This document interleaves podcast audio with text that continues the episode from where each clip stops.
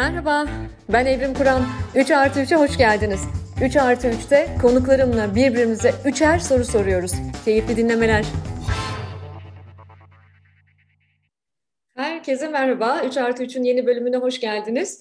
Bu hafta konuğum Taylan Yıldız. Taylan hoş geldin. Hoş bulduk. Şimdi benim e, teamülen önce seni bir anlatmam, tanıtmam lazım ama bir yandan da gerek var mı diye düşünüyorum. Ama dur hadi anlatayım. Taylan Yıldız kim? Taylan, Türkiye'de bilindiği haliyle, gençler arasında bilindiği haliyle gençlerin internetçi abisi. Hatta ona yakıştırılan başka mahlaslar da var. Onlardan da bahsedeceğim ilerleyen bölümlerde.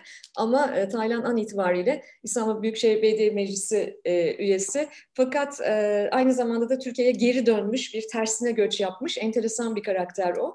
Onu bu yayından önce nasıl anlatacağımı, nasıl tanıtacağımı düşünürken bayağı bir zorlandım. Ama belki çok kısaca şöyle söyleyebilirim. Taylan Türkiye'de yaşadığı yani Türkiye'den gitmeden önce yaşadığı yıllarda Karşıyaka Anadolu Lisesi'nde e, okudu. Ondan sonra İzmir Fen Lisesi'ne gitti. Orada okudu. E, sonra Boğaziçi Endüstri'ye geldi İstanbul'a. Boğaziçi Endüstri'yi onur derecesiyle bitirdikten sonra Massachusetts'te endüstri mühendisliğinde yüksek lisansını yaptı ve 2003'te Stanford'da, Stanford'da işletme doktorası e, pazarma programına tam burslu olarak kabul edildi.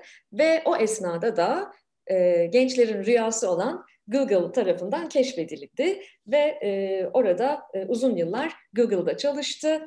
E, 2017'ye kadar Tayland Türkiye'de değildi. 2017'de e, bir haller oldu ona ve 2017'de Türkiye'ye dönmeye karar verdi. İnanılmaz bir kariyeri, e, bence oldukça konforlu bir hayatı bıraktı ve e, 2017'den bu yana da Türkiye'de ilginç işler yapıyor. E, çok fazla ilgi alanı var. E, akıllı şehirlerle ilgileniyor. Gençlikle ve Türkiye'deki gençliğin adres edilmesi gereken problemleriyle ilgileniyor. Geçtiğimiz günlerde takip etmişsinizdir. İstanbul'da metrolara internet getirdi. Her ne kadar bazı insanlar ne gerek var canım dese de ee, özellikle Türkiye'de gençlerin Türkiye'nin dört bir yanında teknolojiye erişimiyle ilgili çok önemli faaliyetler yürütüyor ki biz bunların hepsini konuşacağız.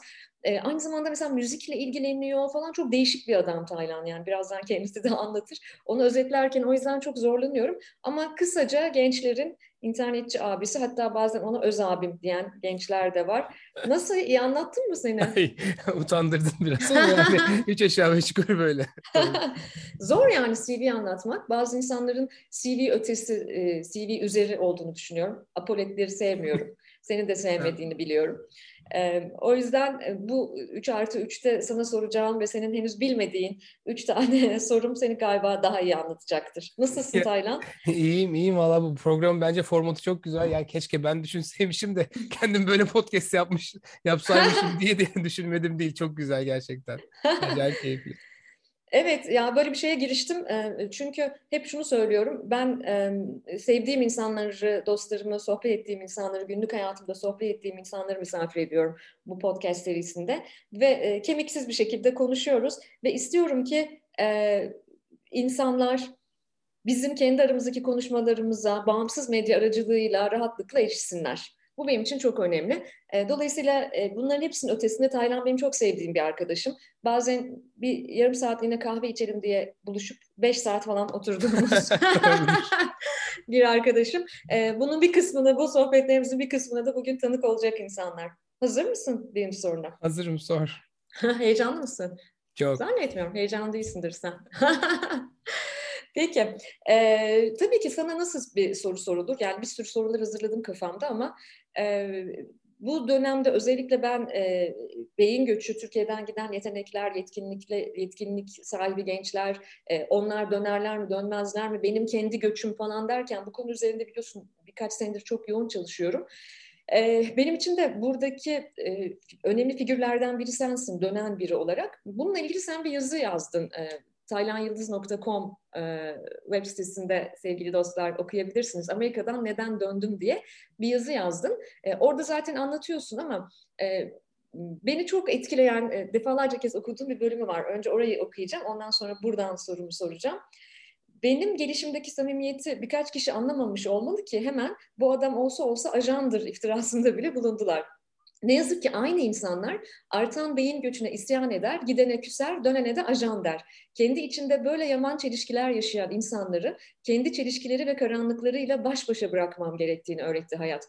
Onlara mevzu vatansa gerisi teferruattır duygusunu anlatamazsınız diye bir bölüm var. Neden Amerika'dan döndüm yazında. Ve e, şimdi ben bu soruyu daha kemiksiz soruyorum sana. Taylan neden Amerika'dan döndün? Ajan mısın sen? Yok. Hatta hani şaka yapıyorum diyor. Ajan olsaydık en azından dolarla maaşımız ne olurdu diyorum. Yani Türkiye'ye geldik direkt böyle sabah akşam para harcayıp duruyoruz. yani, yani şaka bir yana yok. Tabii ki şöyle bir şey var. Ee, şimdi benim Türkiye'ye gelmemin e, garipseyen insanların hepsinin aslında arkasında şöyle bir bilinçaltı psikolojisi var. Yani onları yadırgamıyorum ama psikoloji şu.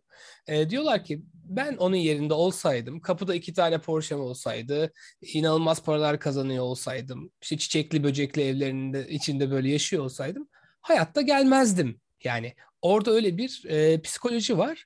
Ben gelmezsem, bu insan geliyorsa demek ki gelmesine değecek bambaşka bir burada bir şey var diye düşünüyorlar.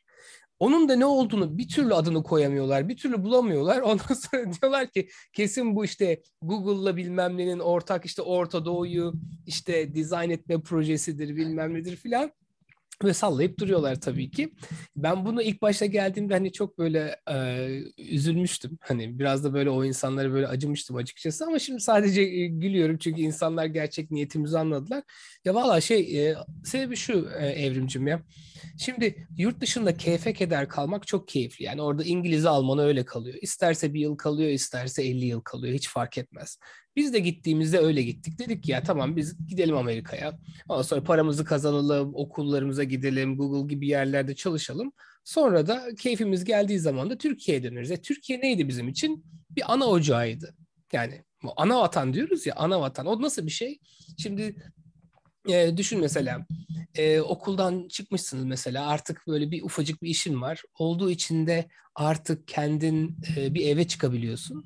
Eve çıkıyorsun ama ne yemek yapmayı biliyorsun, ne çamaşır temizlemeyi biliyorsun. Hiçbir şey bilmiyorsun. Arkadaşınla anlaşacak mısın filan bilmiyorsun ama kafanın bir yerinde hep şöyle bir şey var. Ya benim annemin evi var diyorsun. Ondan sonra bir şey olursa en kötü ben annemin evine geri dönerim diyorsun. Ya diyorsun ki ya gelir bana yardım eder. Benim yeme bana iki kap yemek taşır diyorsun. Bir şey diyorsun. Orada yani ana ocağı başka bir şey. Yani insanı çok daha özgür yapan, insanı kendine çok daha güvenle bakmasını sağlayan bir şey ana ocağı. Şimdi bizim ana vatanımız da sen de Kanada'da yaşadın yani.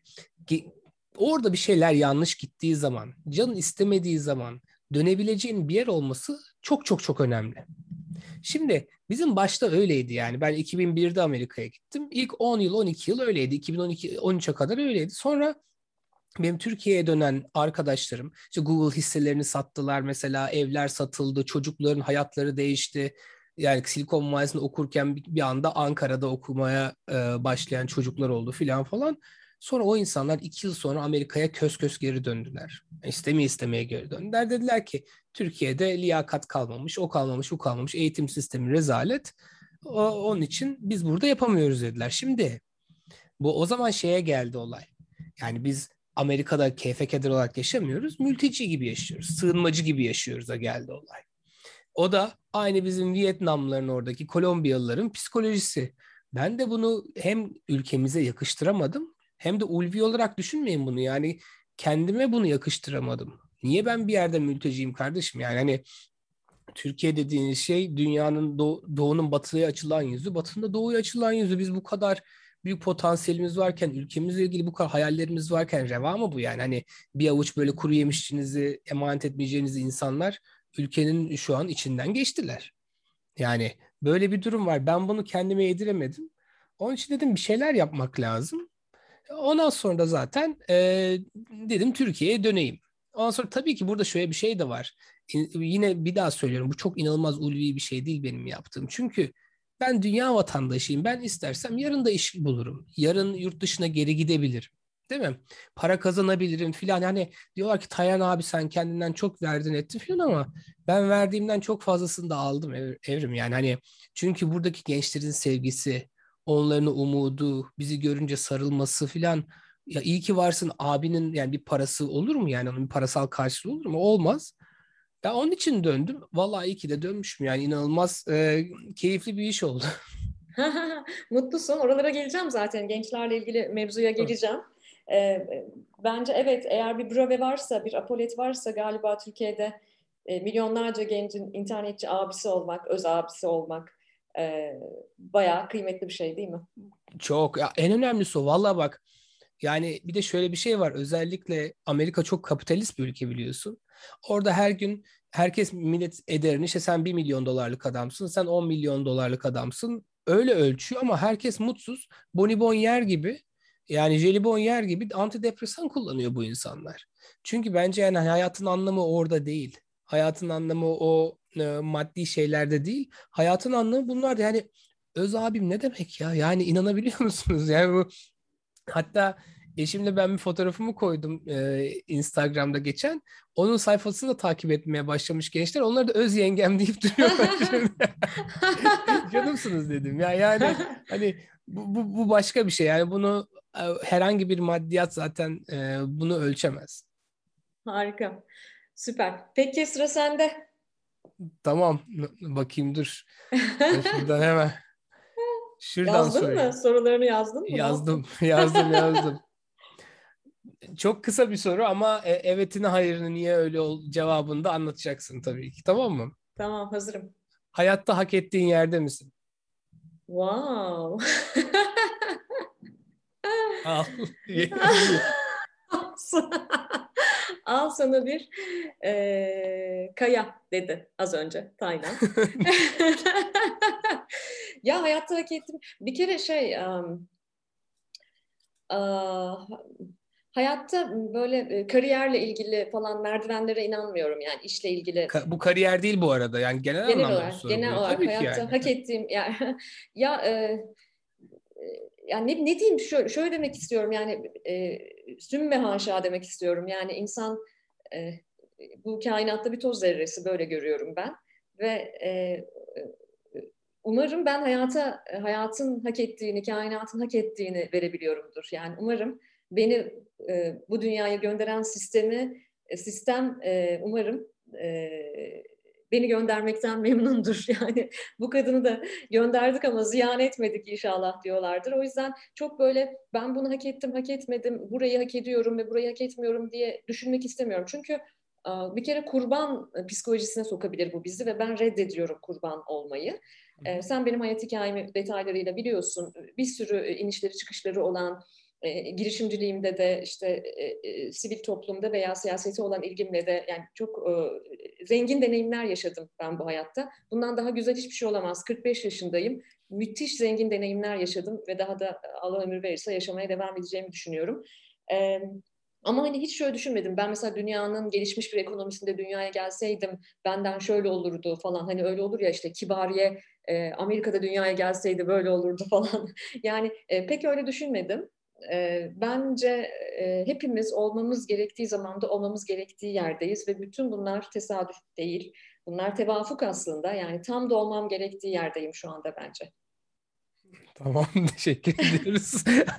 güzel güzel güzel bir cevaptı vallahi. Umarım dinleyicilerimiz de bundan çok zevk almışlardır benim evet yani evet biraz da hani hayatta o akışa yani ben tabii ki çok disiplinli planlı programlı e, ve çalışkan bir kadınım ve e, e, öngörü e, e, öngörülerde bulunmak benim için önemli. Yani o kadar da hayata akışını bırakmıyorum. Ama bir tarafıyla da teslim oluyorum hayata, e, hayatın getirdiklerine. Bu önemli. E, bu sebeple Türkiye'ye dönüyorum.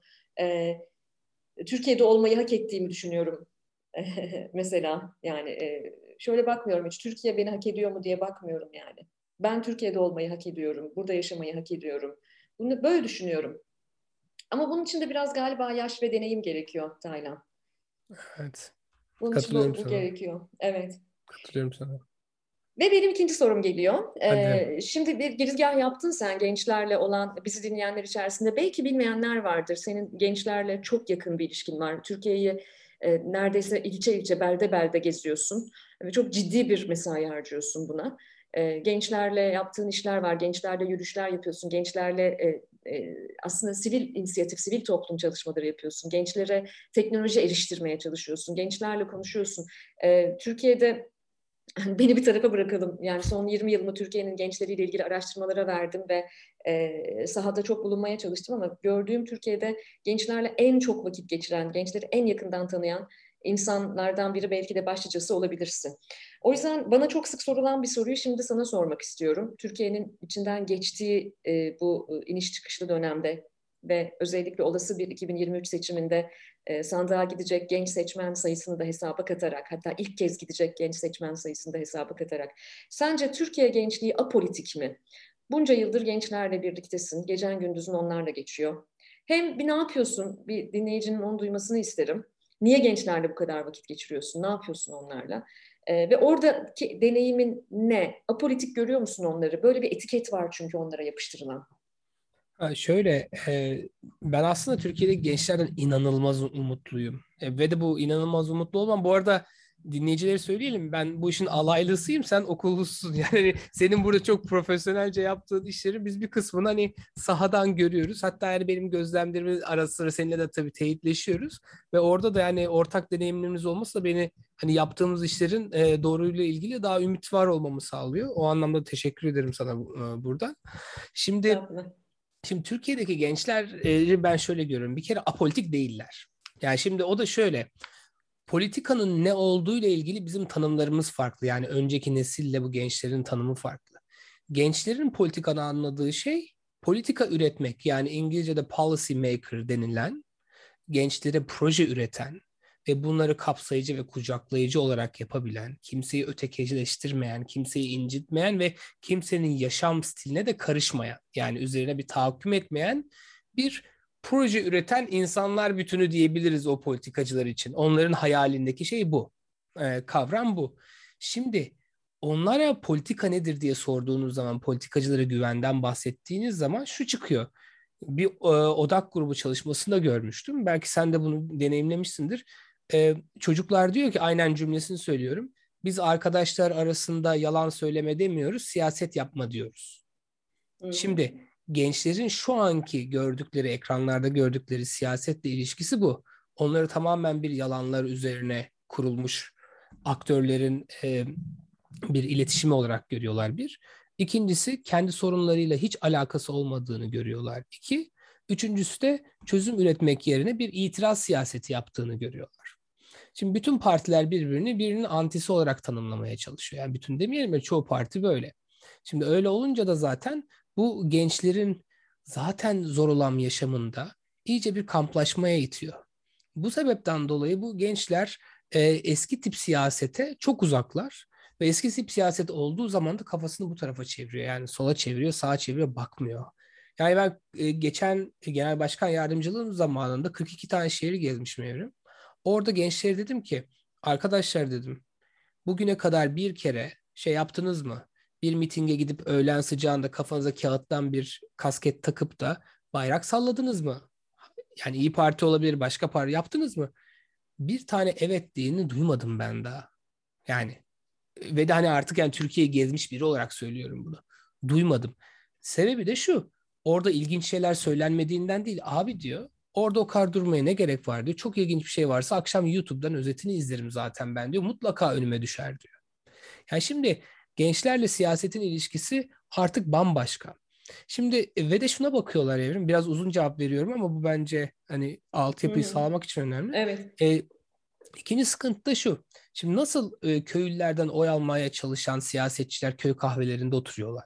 Onlar gibi giyiniyorlar, onlar gibi konuşuyorlar, aralarından çıkıyorlar. Ya çoban sülü niye çoban sülü? Ya kendisi gayet entelektüel, gayet modern bir insan. Yani Süleyman Demirel anlatabiliyor muyum? Hı-hı. Ama o bir imaj. O niye imaj? Ben sizin içinizden biriyim imajı. Bugün birçok işini iyi yapan siyasetçi bir yere gider gitmez aksanını değiştiriyor. Ben bunu kulaklarımla duydum, 50 kere duydum. Yani gerçekten aksan birebir değişiyor. Verilen örnekler değişiyor. E şimdi böyle olunca gençler de şunu diyor ya yani bizim bir kahvehanedeki dayı kadar itibarımız yok mu diyor. Siz niye bizim olduğumuz yerlere gelmiyorsunuz diyor. Niye bizim dilimizi konuşmuyorsunuz diyor. Yani hani onlar da her insan gibi yaş fark etmez kendi dilinden olan insanları duymak istiyorlar. E şimdi gençlerin de şu an e, kahvehanesi Discord. Kendi gençlerin kahvehanesi Twitch. Diyor ki öncelikle diyor eski nesil siyasetçiler bir bizim bu buraya bir gelsin bakalım bir derdini anlatsın. Bu çok güzel bir birinci adım. Ama daha önemlisi kendilerinden birini orada görmek istiyorlar. O da neden? Şimdi yani sen bir kadınsın. Şimdi sana sorayım ben bunu. Şimdi televizyonda 6 tane erkek kadın tecavüzcülerini ve tacizlerini ve İstanbul Sözleşmesi'ni konuştuğunda ne hissediyorsun bir kadın olarak? Orada masada 6 erkek bunu konuşuyorken. Söyle bana. Tabii fevkalade rahatsız oluyorum. Niye rahatsız oluyorsun? E, hiçbir şekilde temsil gücü yok çünkü 6 tane erkeğin benim deneyimlerimle ve duygularımla ilgili bir temsil gücü olamaz. Aynen öyle. Şimdi gençler de aynısını hissediyor. Bak birebir aynısını hissediyor. Diyor ki gençlerin sorunları tart tartışılıyor diyor. Benim konumla alakasız, benim teknolojik ihtiyaçlarımdan ala e, bir haber, benim günlük dertlerimden bir haber, benim dünyaya nasıl baktığımdan bir haber. Bu insanlar benim neye ihtiyacım olduğu konusunda spekülasyon yapıyor ama ben o masada değilim diyor ya. Ben o masada değilsem diyor bu insanların benim anlamam anlamaması zaten çok normal diyor. İkincisi oradaki şeyi şeyden şüphe ediyor. Samimiyetten şüphe ediyor. Ve de bakın yani bu gençlerin en çok aradığı şeylerden bir tanesi samimiyet. Hı-hı. O kadar net ki yani hani ben mesela en çok etkileşimlerimi bir şey bilmiyorum dediğim zaman alıyorum Twitch yayınlarımda. Diyor ki abi bilmiyorum dedi. Bilmiyorum dedi. Gerçekten bilmiyorum mu dedi. Ah ne kadar güzel. Ne kadar güzel. İlk defa bir siyasetçinin bilmiyorum dediğini duyduk. Duyduk aman Allah'ım falan. Böyle gidiyor iş. E neden? Çünkü e, şu an eski nesil siyasetçinin şöyle bir ben onu şeye benzetiyorum. Evrim bir beyaz bir gömlek gibi bunların markası. Böyle çok iyi bir anne ya da baba, çok iyi bir eş, çok iyi bir anneanne, dede, babaanne. Değil mi? Hayatında yalan söylememiştir. Türkiye'deki bütün konulara vakıftır. Ondan sonra o varsa Türkiye'de her şey süper olacaktır. O yoksa Türkiye'de hiçbir şey süper olmayacaktır. Yani böyle bir insan yok. Ya yani peygamberliğinizi ilan edersiniz yoksa. Böyle bir insan yok. Ne sen öylesin ne ben öyleyim ne de buradaki dinleyiciler öyle ki zaten insanoğlu dediğin şey öyle değil. Bunu e, şey yaptığınız zaman böyle bir lider modeli yaptığınız zaman şöyle bir sıkıntı oluyor. O zaman buna İngilizce'de curating your own perfection deniyor. Yani hani kendi mükemmelliyetini bir küratörlüğünü yapman lazım ki hep mükemmel imajını koruyabil. Hı hı. E o zaman da hata yapma marjin yok, özür dileme marjin yok, bir konuyu bilmiyorum deme marjin yok. Bu bir çok sıkıcı, çok yorucu bir şey ve de gençler için de inanılmaz büyük bir e, onlar için hayal kırıklığı. Çünkü diyor ki ya bir insan her şeyi bilemez kardeşim diyor. Ya bu bu kadar böyle söylüyorsa zaten olmaz diyor. Ve de o insanla mesela oturup da bir çay içme hayalini kuramıyor çünkü o ekranda gördüğü imaj bir insan değil. Yani o imaj, o marka çünkü hepsi insan. Hepsi hata yapıyor, hepsi yalan söylüyor, hepsi bilmem ne yapıyor. Eyvallah. Yani hepimiz insanız. Ama orada o gördüğü insan imajıyla bir duygusal bir bağ kuramıyor. Onun için diyor ki abi diyor yeni nesilde eğer hani sen bizi temsil edeceksen bir samimi olacaksın eksiğini, hatanı, yalan söylediysen yalan söyledim diyeceksin. Yanlış yaptıysam yanlış yaptım diyeceksin. Özür Korkularını bizimle paylaşacaksın. Özür dileyeceksin. Hı hı. Ama bir de şey bekliyor. Yani bunları birçok insan yapabilir ama bilmiyorsan da kimin bildiğini bileceksin ve o işi bir şekilde halledeceksin. Yoksa seni niye başta görmek istesin? Yani hani bilmeyen birçok kişi var değil mi? Onun Hı-hı. için birçok şeyi zaten biliyor olmanı bekliyorlar. Bilmediklerinde başkalarının biliyor olmasını bekliyorlar ve o anlamda da gençler şu an e, şunu bekliyor tam olarak. E, bir orkestra şefi düşün mesela. Orkestra şefi kemanı en iyi çalan insan değildir. Piyanoyu da en iyi çalan insan değildir. Harpı da en iyi çalan insan değildir. Ama en iyi çalanın kimin olduğunu bilir.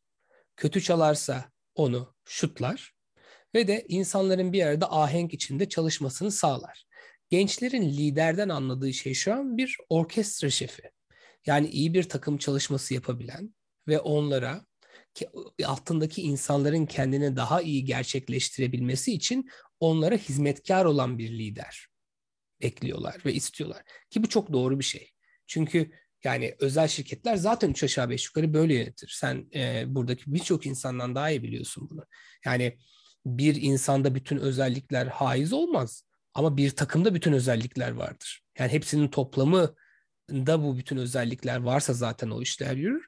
Şimdi gençlerde de bu var ve gençlere apolitik diyenler de kendilerindeki bu e, yanlışları, eksikleri görmüyorlar ve gençler kafasını çevirdiği zaman ya abi bizim dertlerimizi çözecek bir insan lazım. Bu samimi olması, liyakatli olması, bizim iletişim stratejilerimizin içinde yer alıyor olması, bizim e, mecralarımızda yer alıyor olması ve e, sonuçta bizim her türlü meme kültürümüzde de her şeyde de e, aşina olması lazım diyorlar ki haklılar.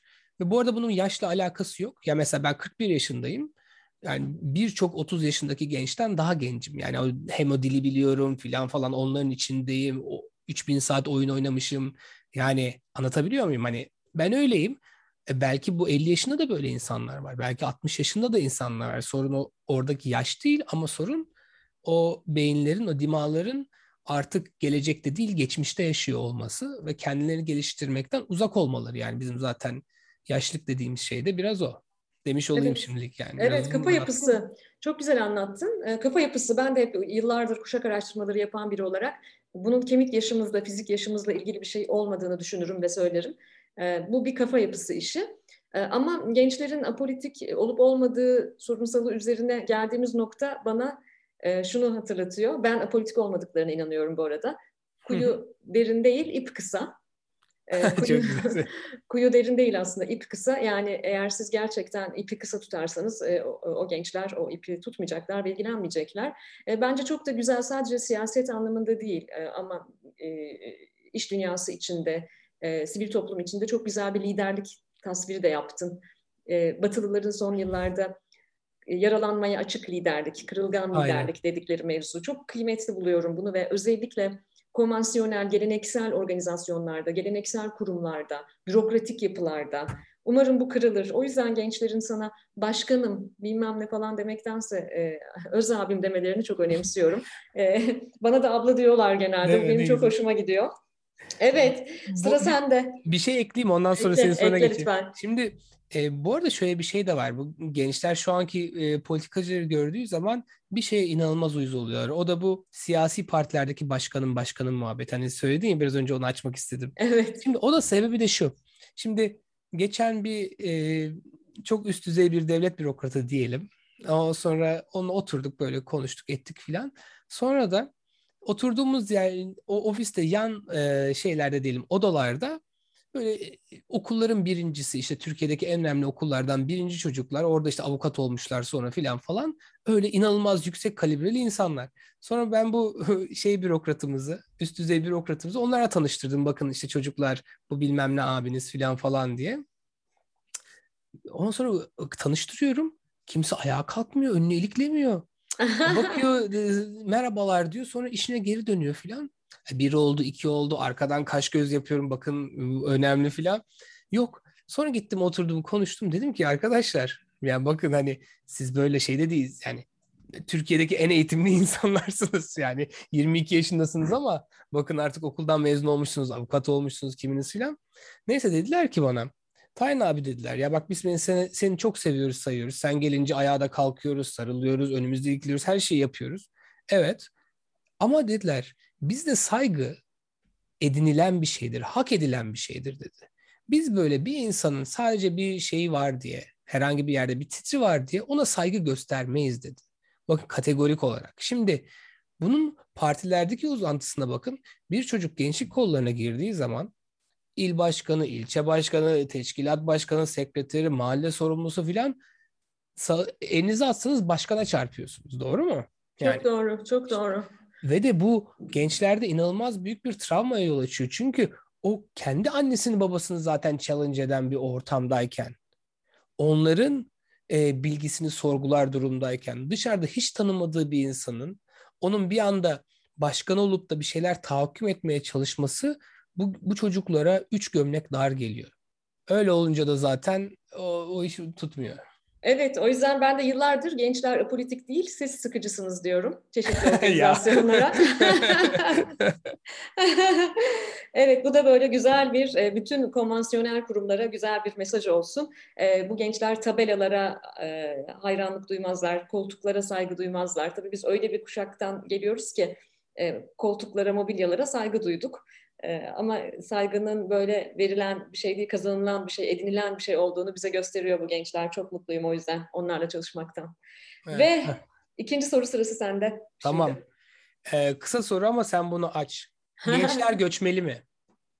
Wow, dün e, bir başka kapalı yayında bu soru soruldu. Dedim ki iyi ki soru e, kapalı yayında geldi. Çok zor bir soru. Neden biliyor musun? Çünkü samimi bir yanıt vermek zorundayım. Çünkü benim e, genç bir oğlum var ve Türkiye'de değil.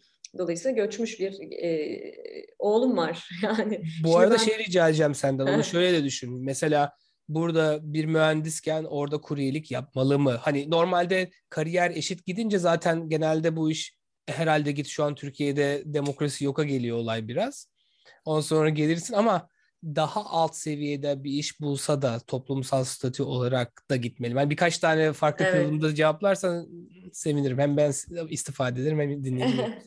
Şöyle ben zaten statü kaygısının büyük bir problem olduğunu düşünüyorum. Eğer statü kaygısı varsa zaten gitse de gitmese de önce bunu çözümlemeli bir genç birey. Çünkü statü kaygısı bizi yavaşlatır. Ben bunu 90'lardaki gençliğimde de böyle düşünüyordum. Yani pazarcılık yaparken de, çok değişik işlerde çalışırken de hiçbir zaman statü kaygım olmadı. Ben her zaman deneyime baktım. Yani burayı görmem, burada bulunmam, bu deneyimi yaşamam lazım diye. O yüzden e, statü kaygısıyla zaten statü gerginliğiyle bakmamaları lazım. O apoletlerle bakmamaları lazım diye düşünüyorum. Naçizane görüşüm bu. Ama gitmek gibi bir çağrı varsa içlerinde çünkü bu insanın içinden gelen bir çağrı. Evet tabii ki ülkenin zorlayıcı şartları var ama bu gençler bugün dünya vatandaşı olmak, e, e, yüksek teknolojiye erişmek, bilimsel bilginin ışığında kendilerini geliştirmek istiyorlarsa biz bunu bir süredir Türkiye'de yapamıyoruz. Bir süre daha layıkıyla yapamayabiliriz. O yüzden artık e, sınırları da iyice ortadan kalkan bir dünyada istedikleri her yere gidebilirler. Ben son kitabım için 118 ülkeye göçen gençle görüştüm. Bunların içlerinde Çin de var, Bangladeş de var. E, çok enteresan ülkelere göçen gençlerle görüştüm. Ama artık gittikleri her yerden zaten dünyanın her yerine erişebilme güçleri varsa ve bu onlara bir perspektif getiriyorsa gidebilirler. Kesin gidin kendinizi kurtarın demiyorum ama gitmek bir opsiyon olabilir. Ben sadece şunu söylemeye çalışıyorum. Kendi oğluma da bunu söylüyorum Taylan. E, zaman zaman da soruyorum dönmek ister misin Türkiye'ye diye lisede benim oğlum Ali.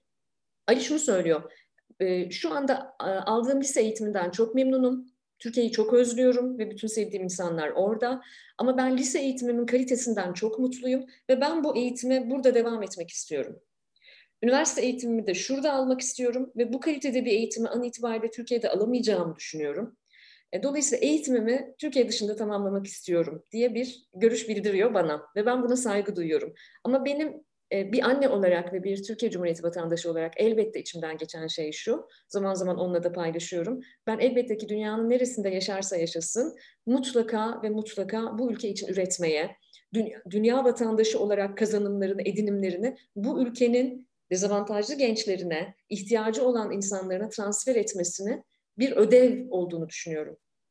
Yani ülkeden aldığını ülkeye geri vermesi gerektiğini düşünüyorum kendi oğlum için ve giden bütün gençler için de, bütün bireyler için de böyle düşünüyorum. Oradan sana ben bir ek bir soru daha sorayım bununla ilgili. Hı hı. Senin kitabını okurken not almıştım. Orada sen şey diyorsun, e, bir zorunlu göç var bir de gönüllü göç var diyorsun. Şimdi e, bu ek soru, bonus soru şu bununla ilgili. Türkiye'den şu an göçenler zorunlu mu göçüyor, gönüllü mü göçüyor? Ben yeni bir jargon uydurdum kitabın o bölümünde biliyorsun. E, çünkü evvelce karşımıza çıkan göç e, modellerine benzemiyor şu andaki Aynen. genç beyin göçümüz. Hiç yani ne 60'lar, 70'ler, 80'ler hiçbirine benzemiyor.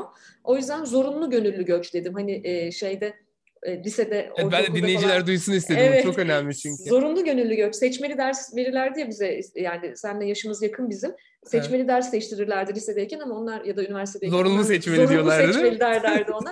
Bu da böyle zorunlu gönüllü göç. Yani aslında gitmek zorunda değil. Ee, çok da gönüllü de değil gitmeye. Ama hani küçük karabalık hikayesinde olduğu gibi bazen gençler o derenin bir okyanusa uzanıp uzanmadığını, nerede bittiğini, daha büyük sular olup olmadığını görmek durumundalar. Ha, e, örneğin bugün Türkiye'de bir genç e, 16 GB'lık bir internetle yaşamak zorunda olmasa an itibariyle bu senin e, bu aralar çok dillendirdiğin bir şey evet. diye söylüyorum.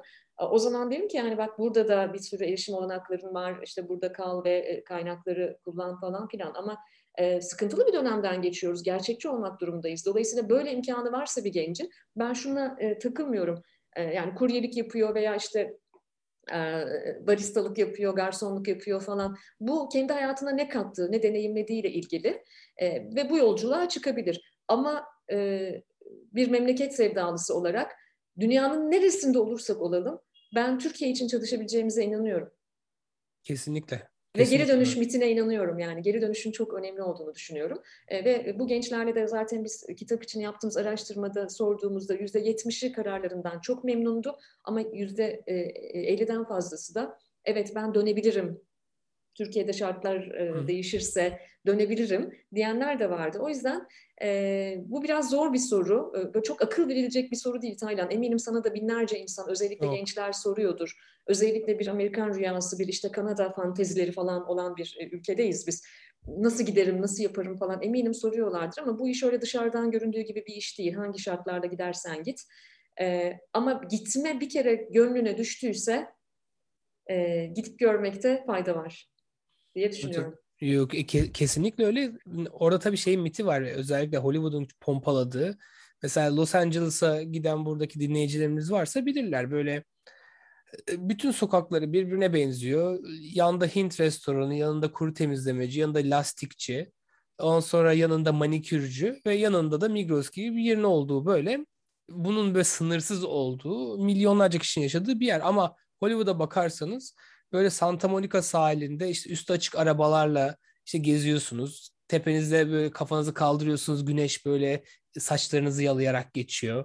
Ondan sonra orada palmiye ağaçları sağdan soldan geçiyor. İşte rollerblade yapan kızlar erkekler çok mutlular. Ellerine bir yandan dondurma alıyorlar. Yani böyle bir Amerika yok.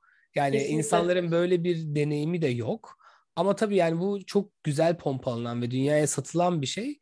Ve de yani oradaki yaşam zorluklarını ya da komşuluk ilişkilerinin aslında ne kadar sığ olduğunu ya da oraya giden insanların e, ne kadar kendi hayat mücadelesi içerisinde sizden uzaklaştığını, böylece Türkiye'de yaşayabildiğiniz o çok güzel komşuluk ilişkilerini, o güzel derin arkadaşlık ilişkini orada yaşayamadığınızı anlatamıyorsunuz. Yani bunu böyle bir makaleyle ya da bir kitap yazmakla anlatılacak bir şey değil. Gidip orada görmeniz gerekiyor. Görünce de bir anda böyle işte Türkiye'de böyle e, işte bir martı sesi olan bir YouTube videosu duyduğunuz zaman ah diyorsunuz ya bir İstanbul'da olaydım bir, simit ayran içseydim yeterdi diye geliyor olay. Ama evet, bunun tabii yaşanması lazım. Kesinlikle yaşanması. kesinlikle yaşanması lazım. Çok merak ediyorsanız sevgili gençler gidin yaşayın ondan sonra kararınızı verin ama her ne olursa olsun ülkeden aldığımızı ülkeye vermek ödevimiz bizim. Ödev olduğunu düşünüyorum bunun bir yandan da. Ve e, bende sıra üçüncü ve son sorumu soruyorum. Sor. Şimdi sana e, seni sosyal medyadan takip et, edenler için e, düşünüyorum. Bir, bir, pek çok takipçin var e, çok çeşitli kanallarda. Ee, senin gün, senin günlük hayatın çok aleni yani işte gittiğin yerler, gezdiğin yerler, işte sabah kalkıyorsun, spora gidiyorsun, spordan geliyorsun, gençlerle toplantılar, yürüyüşler, e, sivil toplum çalışmaları, sonra işte İBB toplantıları, metroya, internet, ondan sonra işte eşinle akşam çıkıyorsun, düğüne gidiyorsun, eğleniyorsun, dans ediyorsun, oradan başka bir toplantı. Neşe dolu bir hayat görüyorum ve çok ümit var, çok ümit var bir e, genç adam görüyorum. E, ve e, böyle hiç sanki Taylan'a bir şey olmaz. Taylan hiç üzülmez, dertlenmez, hiç umudunu kaybetmez gibi bir e, bir bir bir hal sezinliyorum. Ama tabii ki insanız ve e, bu sorum şöyle, bizi çok gencin dinleyeceğini bu yayını e, düşünüyorum. Onlara da bir e, ipucu olsun diye. E, hiç umudunu kaybettin mi?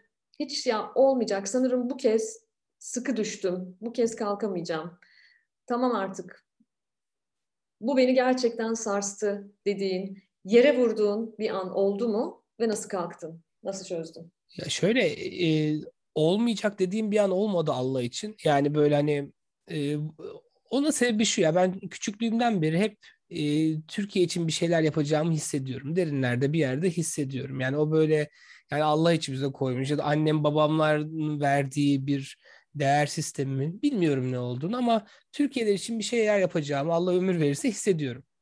Ama bu arada bu böyle hani bir startup kurmak gibi şöyle düşünün. Özellikle gençlerle bir siyaset yapmaya çalışmak ve bunu bir siyasi yapı sonuçta ben İyi Parti'nin kurucu genel başkanıyım. kurucu genel başkan yardımcısıyım. Ama burada şöyle bir sıkıntı var. Yani gençlerin siyasetle ve partilerle olan ilişkisi çok daha mesafeli olduğu için bizim gençlerle olan iletişimimiz partiler üstü oluyor. Yani ben bunu özellikle partiler üstü yapıyorum. E tabii ki bu inanılmaz büyük bir şey. Yeni bir inovasyon yapmak gerekiyor siyasi dilde. Çünkü ben o çocuklarla konuşurken, o gençlerle konuşurken diyorum ki gençler birlikte spor yapalım. Kaldı ki spor yapıyoruz. ısınıyoruz, e, işte esneme hareketleri yapıyoruz, koşuyoruz bazen filan. Ondan sonra bu arada da Türkiye'yi kurtarıyoruz. Ama bu şey gibi hani e, bir e, uçurumdan atlıyorsunuz. E, elinizde şey planör var. Bir yandan kanatlarını inşa etmeye çalışıyorsunuz. Aşağı düşerken inşa ettikçe yukarı çıkıyorsunuz. Olmuyor biraz da aşağı iniyorsunuz falan. Ya böyle bir inovasyon modeli var şimdi bizde. Ya şöyle söyleyeyim mesela Evrim. E, sokakta gençlerle yürürken ben diyorum ki kulaklığınızı takın diyorum. Çünkü ben sizinle yan yana konuşuyorum ama Discord üzerinden konuşacağız diyorum. O zaman benim Şırnak'taki Rize'deki arkadaşlarım da dinleyebiliyor. Sohbete ortak oluyor. Yani bu bir siyasi inovasyon. Çünkü 21. yüzyılın nimetlerinden faydalanmak lazım. Yani anlatabiliyor muyum? Ama bunların hepsini yapmak vakit alıyor bir. İkincisi biz bunu yaptıkça tabii ki bunu sevmeyen bir dolu güç odağı oluyor. E çünkü ortada böyle onların löp et diye yani e, tab, yani şeyle söylemle tanımladığı bir genç kitle var. Bunların parti aidiyeti yok ki bu çok güzel bir şey. Ve de bu bütün siyasinin iştahını kabartıyor. Ama bu da sıkıntı şu. Şimdi gençlerin oyunu almak için zannediyorlar ki son iki hafta bir internet kafeye gidip mouse'u elinde böyle ultrason aleti tutar gibi tutup e, bir şey yaparlarsa, oyun oynamaya çalışırlarsa gençlerin oyunu olacağız zannediyorlar. Onun olmadığını ve gençlerin bize kaydığını ve ben bunu yani sonuçta diyorum ki arkadaşlar diyorum yani bu sağcı bir sorun değil sizin sorunuz. Solcu bir sorun değil. Bu ilerici bir sorun kardeşim. Yani 21. yüzyıla bizim ülkeyi taşıyabilmemiz için sizi 21. yüzyıla taşımamız lazım. Ve de bugün dünyada yani ülkeler zaten Amerika gibi vahşi kapitalist de olmak istemiyor. Küba gibi sosyalist de olmak istemiyor. Herkes İsveç gibi olmak istiyor. İsviçre gibi olmak istiyor. Yani, yani artık bunun 20 tane değişik yolu yok. Yani sosyal demokrasi olsun. Gençlerin düşen elinden tutalım. Eyvallah. Ondan sonra ama aynı zamanda girişimcilerin de önü açılsın. Serbest piyasa ekonomisi işlesin. Rekabet işlesin diyoruz. Ve de karma bir yapı olsun. Türkiye'nin 50 tane ili var. Orada devletçilik yapmazsanız, devlet elinden tutmazsa orada gelişim olmuyor. Yani özel sektörün canlanabilmesini gelene kadar hem eğitim seviyesini hem oradaki rekabet kültürünü geliştirene kadar orada devletçi olmanız lazım. Ama Türkiye'nin 30-31 ilinde de gayet özel sektörü genişletici, canlandırıcı, girişimini arttırıcı işler yapmanız lazım. Bunları anlatıyoruz. E bunları anlatınca da tabii gençler e, bize doğru bir hani e, kay, kayış olmaya başladı. Olunca da e, çok ayağımı kaydırdılar evrim yani çok. Yani hakkım yendi mi? Yendi. Yani sen hani çok daha böyle ulvi bir şeyler söyledin ya olduğum yerdeyim falan falan. Ya tamam ben de olduğum yerdeyim eyvallah. Ama hani bu işler çok daha rahat olabilir miydi? Olabilirdi. Ee, ama olmadı. Ama bir yandan da şey olarak güzel. Düşünün ki hani siz böyle birisi Titanik'ten aşağı atıyor. Boğulmazsanız bir anda çok güçlü bir yüzücü haline geliyorsunuz. O zaman da siz hiçbir şey yıkamıyor. Yani şimdi ben biraz oradayım. Yani başta bayağı düştüm, yıkıldım. Sinirim bozuldu. Üç gün Likya yoluna gittim yürüdüm ya. Böyle şey kendimi dağlara falan attım. Bir düşündüm dedim e, ne yapıyorum ben, ne yapmak lazım falan. Hani e, bunu sosyal medyada falan da paylaştım yani ne olacak. O, ama e, bu hiçbir sıkıntı değil. Çünkü e, siyaset şöyle bir e, problemli bir alan. Şimdi biz mesela seninle iş e, kursak şey bir saniye Biz seninle mesela iş kursak e, evrim ikimiz de para kazanırız ikimiz de mutlu oluruz mesela. Tamam mı? Şimdi böyle bir şey var. Ama eğer biz ikimiz de e, atıyorum belediye başkan adayıysak o zaman bu iş böyle olmuyor. O zaman benim kazandığım yerde sen kaybediyorsun, senin kazandığın yerde ben kaybediyorum. Yani maalesef böyle bir durum var. Şimdi bu durum böyle olduğu için de Siyasette hep insanlar birbiriyle rekabet halinde. Bu işin biraz doğası. Keşke öyle olmasaydı ama iş böyle ve ben bunu zaten böyle olduğunu bilerek geldiğim için böyle aşırı da üzülmüyorum açıkçası. Harika, çok gerçekçi. Ee, bir o kadar da ulvi perspektifleri olan bir yanıt. Teşekkür ederim Taylan. Peki e, ve son soru sende. Ha son soru bende. Dur hemen evet. e, söyleyeyim sana son soru. Ya o kadar çok var ki böyle e, kişisel mi istersin, felsefi mi filan. Nasıl içinden gelirse. Tamam bak. Şimdi erkek baskın bir dünyada başarılı olabilmek için seni sen yapan hangi özelliklerini baskılaman gerekti? Bunu e, dişil kimliğiyle çok e, mutlu olan bir kadına soruyorsun. Ama bu da tabii ki yıllar içerisinde geldi. Evet ben çok erkek egemen bir e, iş dünyasında e, e, hayatta ve ayakta kalmaya çalıştım, büyümeye ve gelişmeye çalıştım. Ve e, kendimden e, kendimden çok fazla ödün verdim mi, çok baskıladım mı? Bunu düşünüyorum ama biraz daha gençken sosyal hayatımdan daha fazla ödün veriyordum. Yani e, sosyalitemden, sosyal ilişkilerimden daha fazla ödün veriyordum. Şimdi geldiğim yaş ve deneyim itibariyle daha rahatım. Açıkçası kendimi baskılamıyorum. Ama tabii ki Türkiye toplumlarında yani çalışırken şu oluyor. Acaba benim bu söylediğim e, nasıl algılanır? Hala bazen bu kaygılara düşebiliyorsun. Acaba karşı taraf bunu şöyle anlar mı, anlamaz mı, böyle düşünür mü? E, böyle hassasiyetlerim var. Ama ben hep e, kendi hesabını kendi veren, e, kendi kazandığı parayı harcayan, babası ve geçmişteki partnerleri de dahil olmak üzere hiç kimsenin finansal kaynaklarını kullanmamaya süper gayret eden ve kullanmayan ve evlilik vasıtasıyla veya benzer sosyal statü artırıcı araçlarla bir yerlere e, gelmiş veya gelecek bir kadın olmamaya çok gayret ettim. Burada bir şey baskılamak var mı? Ee, belki duygularımı baskılamış olabilirim. Ama iyi ki de öyle yaptım. Ve ben bence Türkiye'de bunun iyi bir örneği olabilirim. Dişil kimliğimizi koruyarak, kadın halimizi ve kadın kimliğimizi koruyarak da başarılı olabiliriz dünyanın neresinde olursak olalım. Burada da seni alkışlıyorum ve birçok gence de özellikle genç kadınlara da örnek olduğunu ben biliyorum ve bu konuda gerçekten çok mutlu olduğumu söylemek isterim. İyi ki varsın. Canım çok teşekkür ediyorum. Sen de iyi ki varsın. E, programıma iyi ki geldin. Bu yayına iyi ki katıldın. Seninle uzun uzun yaptığımız sohbetlerin bir kısmını bile olsa dinleyiciyle, dostlarımızla paylaşmış olduk bu vesileyle.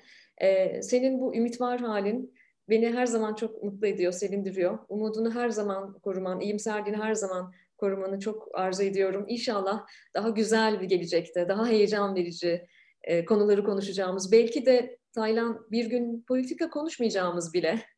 İnşallah. Evet. e, günler gelsin değil mi? Ayn Rand şey demiş vaktiyle. E, politikayla bu kadar ilgileniyor olma sebebim bir gün politikaya ihtiyacımız olmadığı günleri görmek. bu yüzden bu kadar ilgileniyorum demiş. Biz de e, seninle buluştuğumuzda sık sık memleketi kurtarmaya çalışıyoruz bu sohbetlerde. Sen de gençlerle az önce söylediğin gibi buluştuğunda memleketi kurtarıyorsunuz. E, ama bir gün gelecek biz belki de e, yüksek teknolojiden, hayatın keyfinden, e, nerelerde tatil yapılacağından, e, nasıl eğleneceğimizden falan daha fazla konuşuyor olacağız. Öyle bir Türkiye hayal ediyorum. İyi ki geldin. Sana çok teşekkür ediyorum Taylan. Ben teşekkür ediyorum.